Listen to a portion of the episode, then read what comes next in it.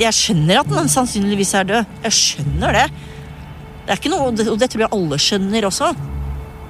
Men, men det, det, jeg ikke til tider klarer å forsone oss med, det er at hvis de kunne ha gjort litt grann før, og gjort i hvert fall jobben sin, da, da har du i hvert fall på følelsen at de har gjort jobben sin.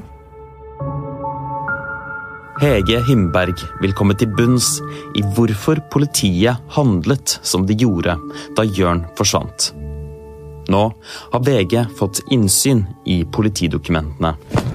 Vi kan avdekke at politiet ventet fem år før de tok det første avhøret i saken. Mannen som gjorde det, heter Rolf Bergersen. Og han har en del ting han vil fortelle familien. For nå, på gangen i Oslo tingrett, sitter Hege og Lise-Lotte for å erklære Jørn Berntsen død.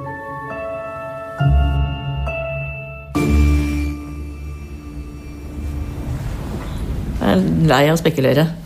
Lei av å kjøre i huet. Uansett om vi får en dato i dag, så vil det jo fortsatt være der. Ja, 14 år uvissheten. Kan ikke forlange at folk skal forstå lite grann engang. Hege sitter og biter negler utenfor rettssal 628. Beina hennes rister konstant og finner ikke hvile. Det siste døgnet har vært spesielt for henne. Hun har gått en tur ut på fjellknausen Utsikten på Stovner. Der har hun stått i snøen, sett opp på himmelen og snakket lenge til Jørn. Da ba jeg rett og slett om eh, tilgivelse for å gjøre det vi gjør i dag. Jeg sier unnskyld at vi får en dødsdato på den, da, til Jørn. Det er jo spesielt å erklære en kar død, da. Et menneske død. En du er glad i og har hatt et nært forhold til og har barn med Ja. ja. At det er du som gjør det. Det er vi sammen det. Ja, vi sammen som gjør det. Ja, det er vi sammen som gjør det, så er det liksom Ja. Datteren Liselotte setter seg litt nærmere moren sin. Så da kommer det til å stå at han er død i 2017. Nei, 2018. Jeg vet ikke hvem datoen dere kommer engang. Om de setter tilbake, eller om, om de tar fra dagen i dag. Hvis det står 2018. Ja, det blir jo det. Skikkelig Ja, rart. det blir skikkelig rart, ja. De snakker om at dette rettsmøtet, som nå starter om noen få minutter, nesten blir en begravelse for Jørn. Så det er jo en form for eh, eh, en seremoni, da. Uten noen ting. Uten Jørn, uten noe kropp, uten noe medfølelser. Det er bare Liselotte og Hege som har dukket opp for å ta et siste farvel. Men så Ut av heisdørene kommer en dresskledd mann med sort frakk. Med bestemte steg setter han kurs mot Liselotte og Hege. I hånda har han en papirpose med innpakkede blomster. Hege får øye på mannen. Hei, Kuba Noa, er det deg òg? Hallo. Det var voldsomt. Oi, ja. Hei. Hei.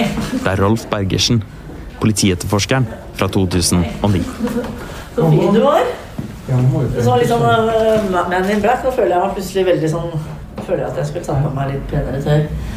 Det går helt sikkert på. Ja, jeg får håpe det. Det blir jo nesten sånn Ja, men begravelse. det er akkurat prata om det. Ja, det blir jo det. Ja, ja, det er jo det. Hege husket jo egentlig ikke hva han het. Men i mellomtiden har Rolf Bergersen tatt kontakt på nytt. Fordi han aldri har glemt Jørn-saken han jobbet på. Nå er dette veldig lenge siden, men denne saken er en av de sakene jeg husker godt, og jeg har tenkt mye på den i ettertid. Rolf er en røslig kar, med flanellskjorte og jeans. Han har vært offiser i Forsvaret og politietterforsker. Men aldri har han uttalt seg offentlig om en sak han har jobbet med. Ikke før nå. Han er pensjonist og 59 år. Altså Det første jeg tenkte, var at her har det jo vært et, et veldig stort tidstap. Sånn at vi var kommet helt på, på bakfot tidsmessig. Våren 2009 var Rolf Bergersen tilbake i jobben som politietterforsker på savnet-gruppen. Han hadde vært i en sykkelulykke. I bunken på kontoret tok han tak i flere uløste forsvinninger. En av dem var saken med bilde av en smilende Jørn Berntsen, som hadde ligget da i fem år. Um, når jeg begynte å se, eller åpnet saken i uh, saks... Uh, til politiet, så ble jeg veldig overrasket, for da fant jeg kun ett dokument i saken. Det var meldingen om uh, savnet person, som det heter. Og det er viktig at uh, etterforskningen starter så raskt opp til, til den inngitte meldingen som mulig, sånn at man kan samle ferske opplysninger. Da. Og det var nær sagt nesten umulig på, på det tidspunktet når jeg kom inn i saken. Så Rolf gikk til kollegaene sine og spurte hvor resten av etterforskningsdokumentene var. Avhørene, beslagene, teoriene. Jeg fant eh, et dokument i et annet datasystem enn saksbehandlingssystemet. Og eh, de som hadde håndtert den saken, hadde foretatt eh, noen telefonoppringninger. Eh, det var vel stort sett det som var, var, gjort, og det var i det hele tatt eh, veldig mangelfull jobb i, i den saken når jeg begynte å se på den. Men det som jeg var overrasket over, var at ikke det var foretatt avhør. Det var ikke innhentet eh, data fra, mobildata fra Jørn sin telefon. Det var ikke eh, innhentet eh, bilder fra overvåkingskameraer osv. Det som var gjort i saken fra 2004 til 2009, sto i en enkel logg. Korte setninger. Til sammen fire ark. Rolf så på arkene og leste blant annet. Forsøkt å ringe savnedes mobil. Kom til Telenor mobilsvar. Hege Hindberg ringer inn. Hun er meget engstelig for hva som kan ha skjedd. Hun ble roet ned. Gått gjennom rommet til savnede. Rom 510. Svært uryddig. Masse rot. Det har vært to personer, og uh, det står her gått igjennom rommet til Jørn på bosenteret. Men i praksis så har jo de gjennomført en ransaking på, på, på, på, rommet hans. Det er innfelt i, i regimet vårt at uh, foretar man en ransaking, så skal man skrive en rapport om det etterpå. Det er jo heller ikke gjort her, da. Men hvis dette skulle vært riktig, så burde jo de som var oppringt, avhørt formelt og avhøret burde vært eh, journalført som et eh, formelt avhør og lagt inn i saken. Rolf bestemte seg for å forsøke å snu hver stein. Han avhørte Hege, Omar, Geir, moren, sosialbehandleren på Nav. Han hentet inn helsejournaler, dokumenter, skatteopplysninger. Han kontaktet kollegaer med kjennskap i gatemiljøet. Han registrerte Jørn i Kripos sitt saknetregister og etterforskningen vokste til denne tykke lefsen med dokumenter. Hele mappen, utenom fire ark, er datert 2009. Jørn forsvant i 2004. Ja, altså denne saken her eh, Jeg opplever at eh, politiet har sviktet Jørn og de har sviktet Hege og datteren Liselotte. Tilbake på gangen snakker Rolf og Hege sammen. Som han nesten legger skylda for alt som skjedde med Jørn sitt liv der og da i hendene til politiet. Og det, det er jo ikke, Han levde jo et liv som ikke var helt bra. Men bare at han gidde hadde gjort noe, så tror jeg kanskje jeg ikke hadde vært så bitter så lenge. da og hatt de følelsene til slutt at det var noe gærent med meg sjøl. Rolf ser på klokken. Ja. Klokken ni. Ja. Er det ikke ni nå? Skal vi gå inn, da?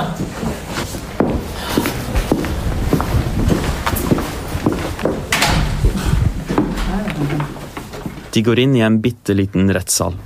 I midten står en vitneboks. Bakerst en tilhørerbenk hvor Rolf setter seg, og foran, opp et platå, står tre stoler med høye, røde stolrygger. Dommeren kommer inn døren. Ja, vær så god, sitt. Skal vi se, hvem av dere er Liselotte? Ja, da skal du sitte på en av stolene her fremme. Ja, for det vi da skal behandle i dag, det er en begjæring om dødsformodning.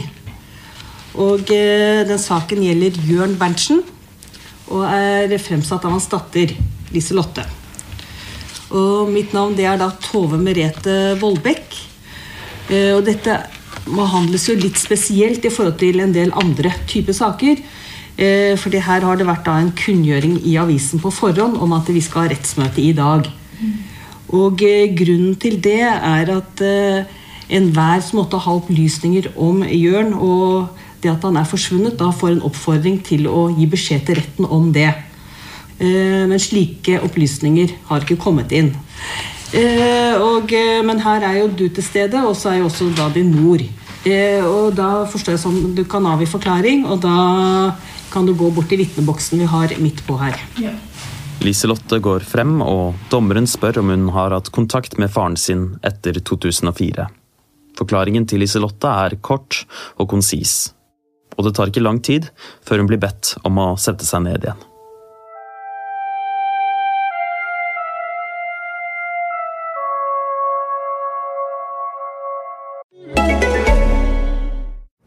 Anne, skulle ikke vi ha planlagt den der tursommeren litt? Jo, Det er mye vi trenger, altså. sånn sovehengekøye, Ja, og Liten høyttaler. rett i koppen, eh, Myggjager. pannekakemiks, Stormkjøkken. Sitteunderlag. solkrem, Sekk. kaffe, Ullgenser. fiskestang, Egg. bacon. Her har de alt vi trenger. Ja, Ops har alt du trenger til sommerens aktiviteter. Enten det er tursommer, grillsommer, sykkelsommer, strandsommer eller hagesommer. Ops Kunsten å handle smart.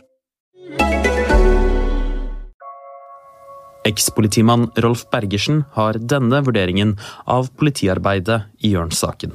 De har sviktet på å etterforske saken. Det er ikke, ikke foretatt avhør, som nevnte tidligere. De har ikke innhentet, tekniske data på telefon. Det virker som saken bare har ligget der uten at det er gjort noe forsøk på å, å finne ut av hva som kan ha skjedd, hvor Jørn var, osv. Ja, jeg er Trond Skårud og var leder av Savna-gruppa eh, på 2000-tallet. Eh, Politiavdelingssjef den gangen. Trond Skårud jobbet med Jørn-saken i 2004. Han er 65 år og pensjonert politiavdelingssjef.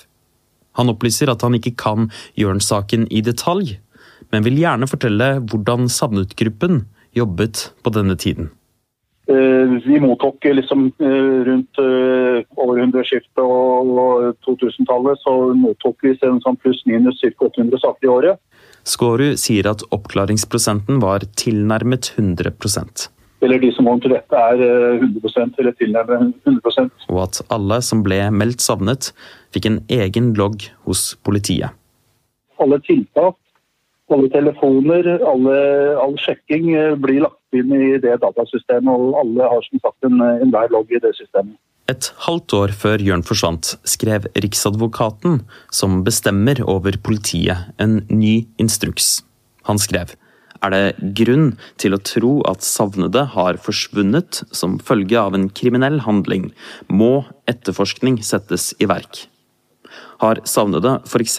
vært i kontakt med voldelige miljøer, vil det være rimelig grunn til å undersøke om det foreligger straffbart forhold. Rolf Bergersen peker nettopp på dette i Jørn sitt tilfelle. Vi vet jo at han var utsatt for vold, og at det ble tatt ut penger fra minibanken hans. Hadde ikke da politiet grunn til å mistenke at det kunne ha skjedd noe kriminelt? Jo, det er jeg helt enig med deg i, men eh, politiet kan jo ikke, når vi får meldingen, det som er problemet da, det er når vi får meldingen en uke etter at den er, eh, han er vekke, og det er jo mange som blir banket opp i Oslo by som ikke går og melder til politiet. Hadde Jørn gått samme kvelden han han meldt etter politiet, så, så klart da hadde vi hatt noe helt annet å gå på.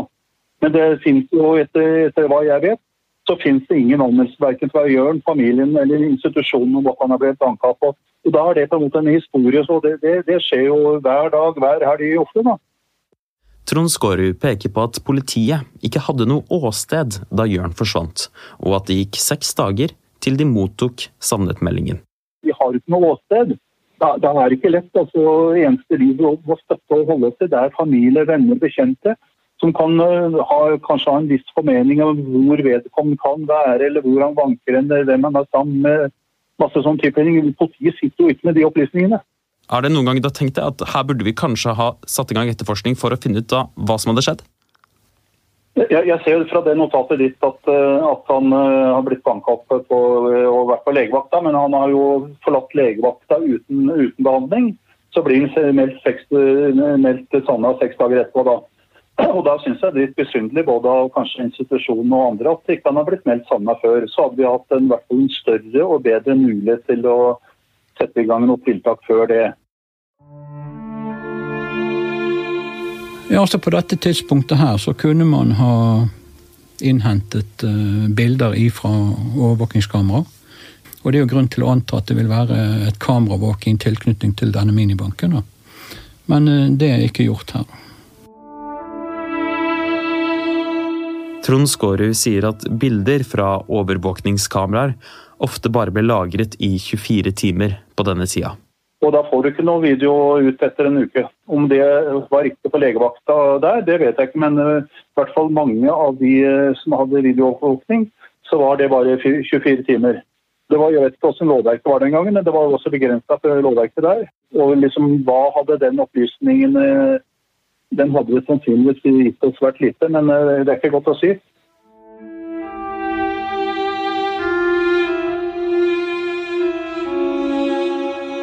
Rolf Bergersen peker på at man kunne ha sporet Jørns mobiltelefon og sjekket den opp mot mobilmaster.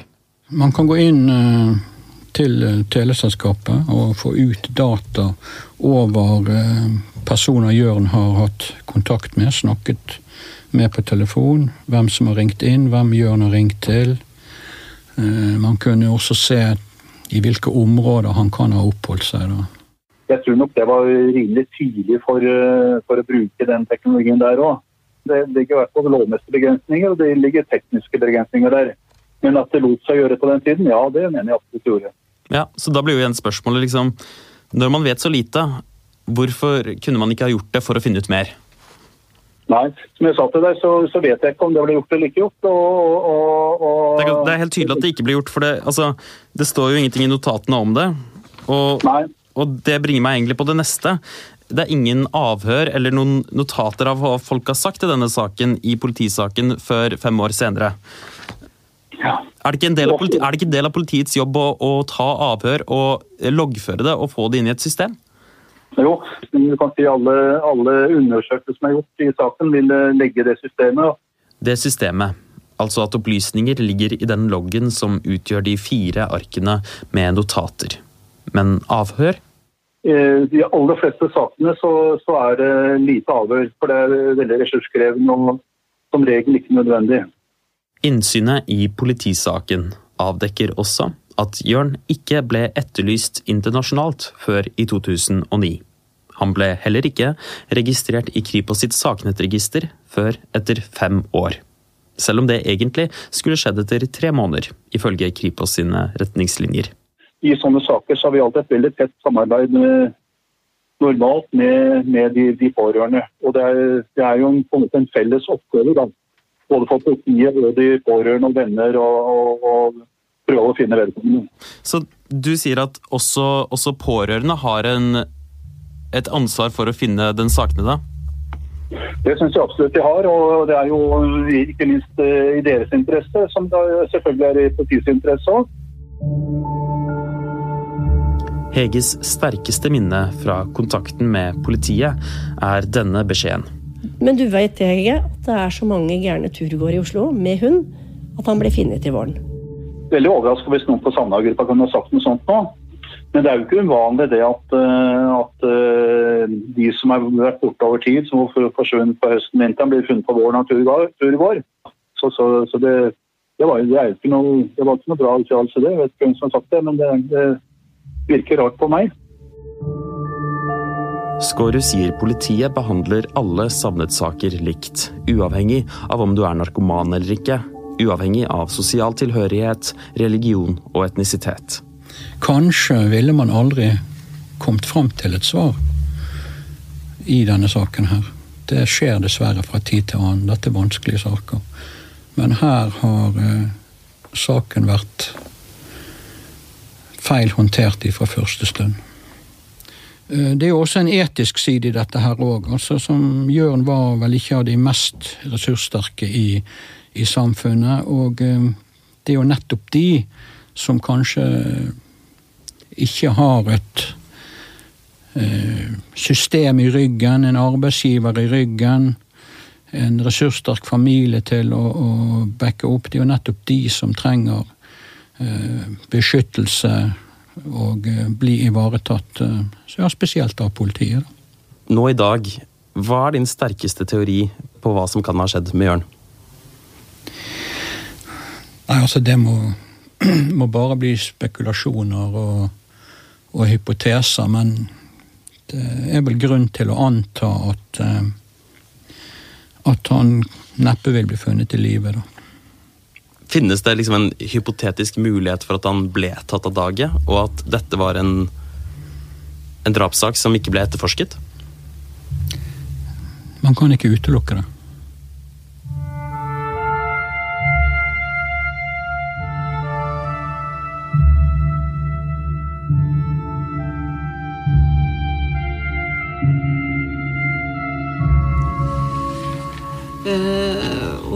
For det, det med dødsdato vil jo da bli fastsatt i den avgjørelsen som kommer.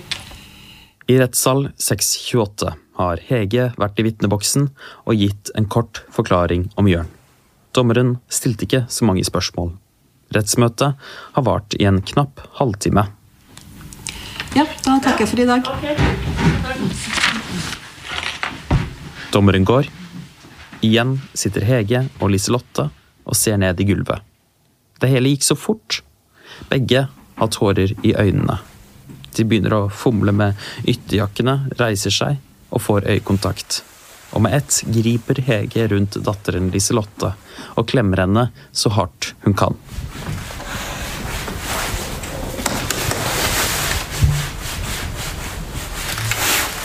Så rekker Rolf frem buketten med blomster til Hege.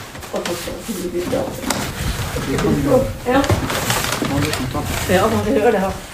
På gangen takker Liselotte for at Rolf Bergersen dukket opp. Veldig bra at han også kom og støtta. Mm, stilte opp. Setter pris på at det var for noen gjorde noe. Og selv om det var fem år etterpå, liksom. Så ja. Mm. Ja, du skal ha, ha for det, og det setter jeg uhorvelig pris på. For du tok bort den der eh, tvilen på meg sjøl.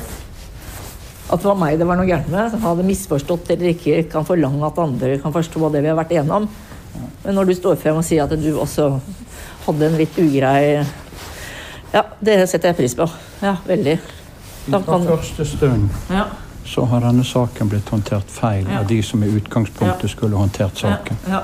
Så det, men da, da, da slapp den der bitterheten litt, grann, da. Ikke sant? At det, det er ikke bare meg at, eh, som holdt på å bli gæren. Ja. Hun har nok ikke fått den behandlingen som dere Nei, vi har nok ikke det. Oslo politidistrikt skriver i en e-post at det er umulig å svare på hvilke vurderinger som ble gjort i Jørn-saken. Pressesjef Unni Turid Grøndal sier at det gjøres flere tiltak og undersøkelser som ikke nødvendigvis dokumenteres i saken. Men hva etterforskere ved Sandut-gruppen visste da Jørn forsvant, er umulig å svare på i dag, ifølge Oslo-politiet.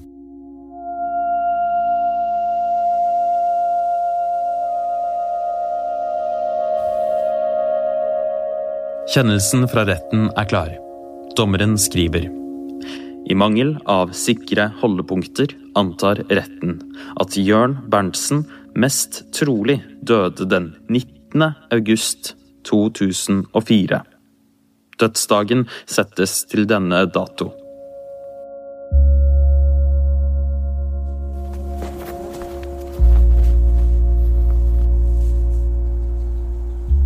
I skogen på Stovner går Hege til utsikten med en blomsterbukett i hendene. Her i området pleide Jørn og Liselotte å grille og lufte hunden. Er hun i nærheten her? Ja. På stien får hun øye på tre små rådyr. Hei! Hei! Jeg kom, det! Jeg kom! Hun er litt lettere til sinns nå som alt er over. Ute på fjellknausen Utsikten tenner hun et lys med en lighter og legger ned rosene i snøen. Nå kan jeg endelig slippe sorgen fram, tror jeg. Jeg tror det føles greit. Kjenne på sorgen. For den har ikke på en måte vært der. Det har bare vært det å være bitter. Men hvis du skulle tenke deg at uh, Jørn ville si noe til eh, deg og til Liselotte, hva tror du det ville vært? Eh, jeg har det bra. Og jeg er glad i dere. Mm. Det ville jeg sagt. Skal vi gå tilbake? Da går vi tilbake. Ja.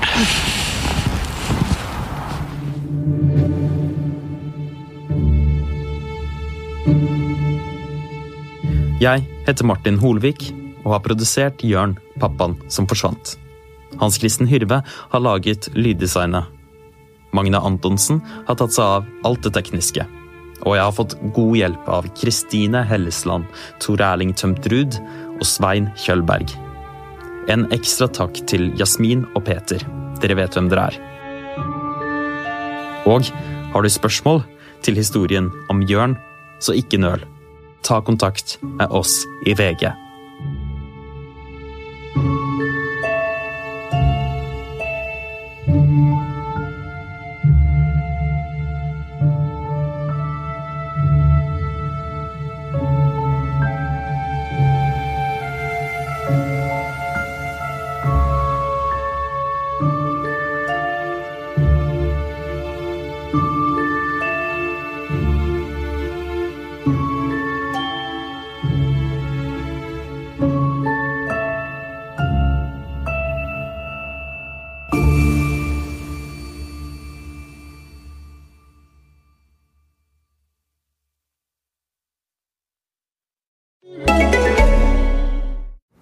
Anne, skulle ikke vi ha planlagt den der tursommeren litt? Jo, Det er mye vi trenger, altså. sånn sovehengekøye, Ja, og Liten høyttaler. rett i koppen, eh, Myggjager. pannekakemiks, Stormkjøkken. Sitteunderlag. solkrem, Sekk. kaffe, Ullgenser. fiskestang, Egg. bacon. Her har de alt vi trenger. Ja, Ops har alt du trenger til sommerens aktiviteter. Enten det er tursommer, grillsommer, sykkelsommer, strandsommer eller hagesommer. Ops Kunsten å handle smart.